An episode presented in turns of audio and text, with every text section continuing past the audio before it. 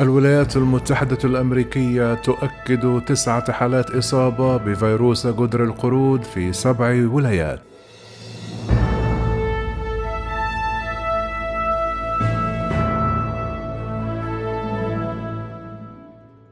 قالت الولايات المتحدة الأمريكية أنها حددت تسعة حالات لمرض جدر القرود في سبع ولايات بعضها لأفراد ليس لديهم تاريخ حديث في السفر الدولي. وفي مؤتمر للصحفيين قال مركز مكافحة الأمراض والوقاية منها أن الحالات التسعة في ولايات ماساتشوستس وفلوريدا ويوتا وواشنطن وكاليفورنيا وفرجينيا ونيويورك وقالت روشيل ولينسكي مديرة مركز السيطرة على الأمراض والوقاية منها في إفادة صحفية أن جميع الحالات في الولايات المتحدة تخص مثليين وثنائيي الجنس وغيرهم من الرجال الذين يمارسون الجنس مع رجال كما حست ولانسكي على نهج بالاسترشاد بالعلم وليست بالتوصيف.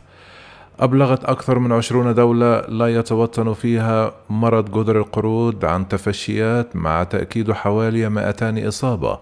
أكثر من 100 حالة مشتبه بها معظمها في دول أوروبا. بدورها حست منظمة الصحة العالمية الدول على زيادة المراقبة لمرض جدر القرود حيث تم الإبلاغ عن أول حالة إصابة بفيروس جدر القرود في الولايات المتحدة في ولاية ماساتشوستس الأسبوع الماضي.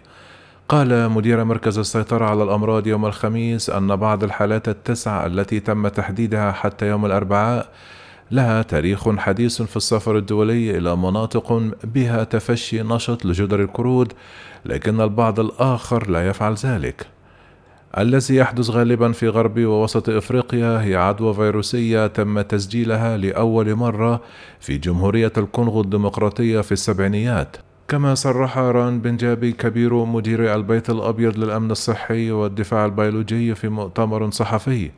لا ينبغي أن نتفاجأ برؤية المزيد من الحالات المبلغ عنها في الولايات المتحدة في الأيام القليلة القادمة.